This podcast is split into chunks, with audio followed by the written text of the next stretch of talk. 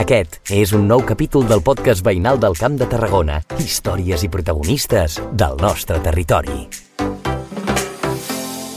Aquesta setmana, el podcast de veïns ens porta a conèixer a un tarragoní que treballa amb les mans, amb un ofici certificat artesà, de tota la vida i molt dolç. Soc en Josep González Catalán, soc pastisser, vaig néixer el 21 de juliol del 62 i sóc un enamorat de la meva ciutat, de Tarragona. Per conèixer en Josep hem de matinar molt. El seu escenari de treball està ple d'estris, motllos i farina, molta farina. Un protagonista que confessa que des de ben petit aspirava ja a ajudar els altres. De, de petitet, com, com el meu pare ja tenia muntada la pastisseria quan jo tenia 4 anyets, doncs sempre, evidentment, sempre m'havia agradat eh, fer alguna de pastisser. Però sempre havia tingut alguna altra inquietud, em vaig dedicar al món eh, una temporada, em vaig dedicar al món de la música, però no com a músic, sí com a tècnic de so i amb una empresa que vam, vaig arribar a muntar d'il·luminació. Però hi havia una altra cosa que, que me llamava més l'atenció, que és poder ajudar els altres.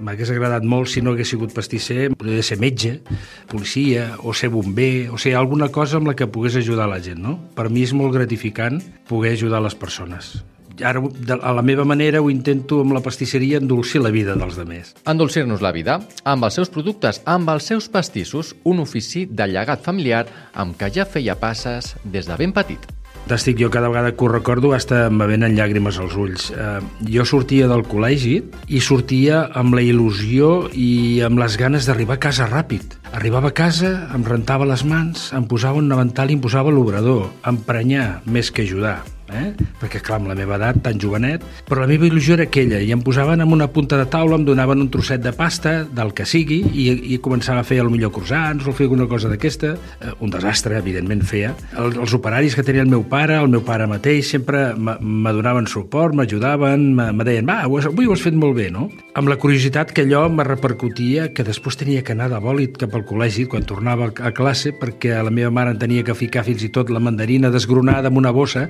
per menjar menjar-me-la pel camí anant cap al col·legi perquè feia tard.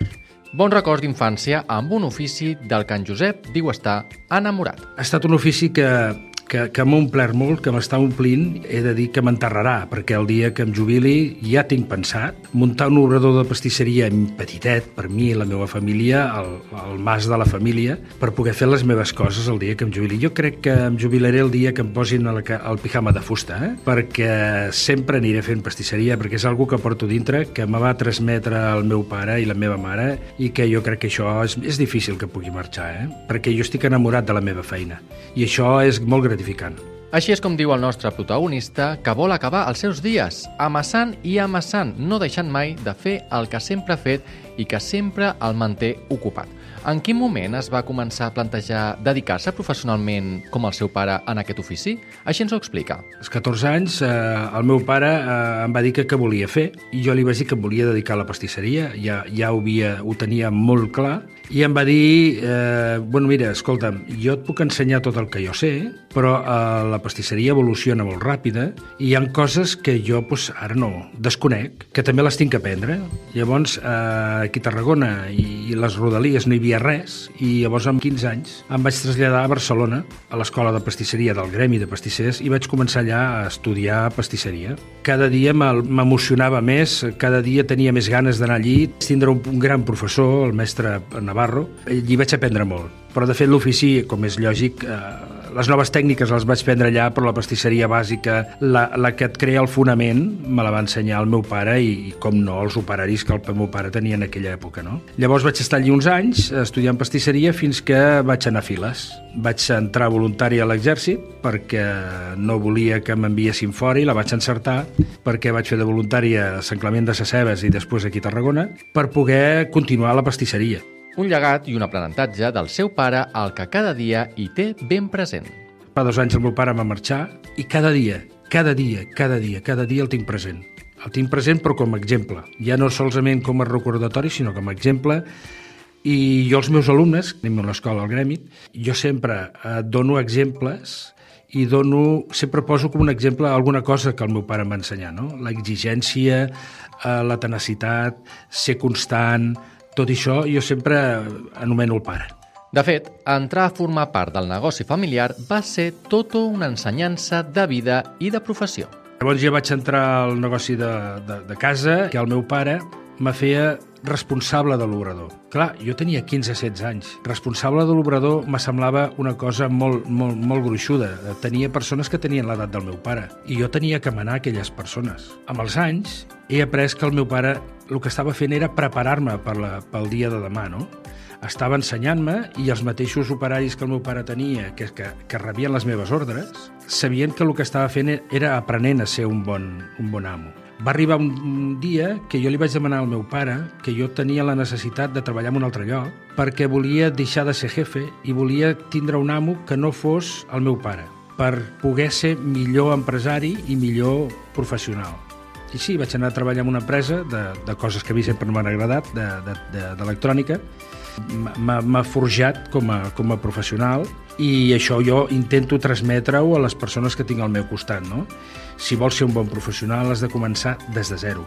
Un ofici artesà de tota la vida que pateix per sobreviure, cosa que lamenta i reivindica el nostre protagonista que una cosa que és tradicional i que és molt de, de la nostra cultura catalana, que se'n vagi a Norris i tot se'n vagi a fer pastisseria de polvos, que això ens perjudica a la nostra salut i no, jo, jo estic lluitant a, a, a tope que això no sigui així. Precisament per aquest motiu neix l'Escola de Pastisseria per tractar de mantenir aquest ofici. Així ens ho explica en Josep. El pare, eh, quan, quan ell juntament amb alguns companys van fundar el Gremi de Pastissers, als anys 70, eh, amb, amb molt d'esforç, amb uns diners que van posar de la butxaca uns quants pastissers, es va comprar el local aquell, i el meu pare va, va començar que es tenia que fer l'escola, que es tenia que fer l'escola, i va, ell mateix va ser el que va eh, dissenyar l'escola actual. No? Nosaltres ja l'hem fet més gran, hem fet una altra aula i tal. No?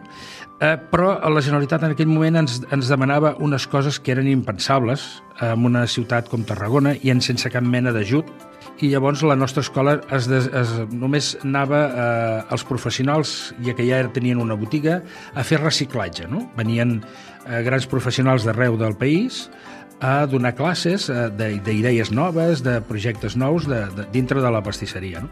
Hasta bueno, que un dia es, eh, ens vam posar drets, un servidor, i va dir aquí hem de buscar escola perquè s'està acabant la pastisseria i nosaltres serem els culpables per no intentar fer alguna cosa.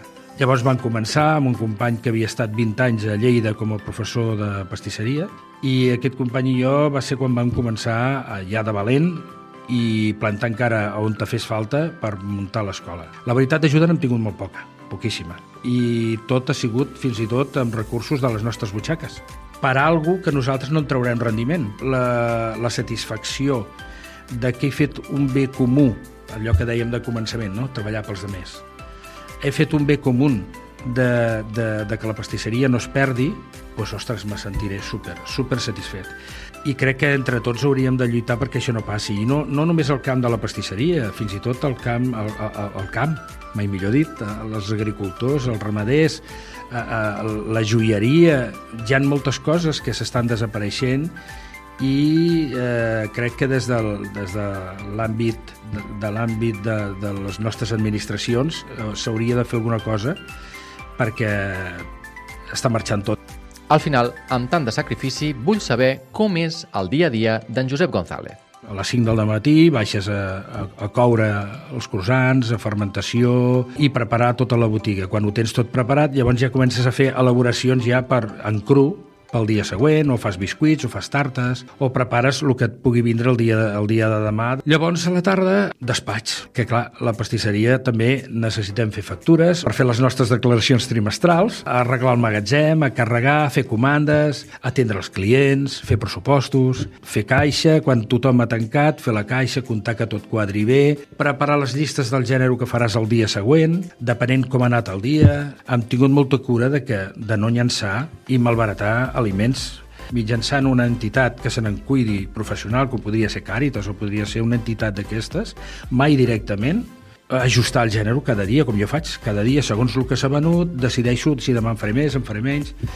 Tot el dia has d'estar pensant, eh? Puc veure una miqueta a la tele eh, amb la meva mare, que té 90 anys, pobreta, i puc fer-li companyia, i puc estar un ratet amb ella, sóc l'home més feliç del món, puc ajudar la mare. Vaig al mas, que el meu pare amb tot, tanta il·lusió va, va construir, i allí també disfruto fent bricolage. M'agrada molt tot el que és amb les mans. Ja veieu, artesana, artesana. Així és la professió, la vida i la passió d'en Josep González, el pastisser tarragoní protagonista aquesta setmana del podcast de Veïns.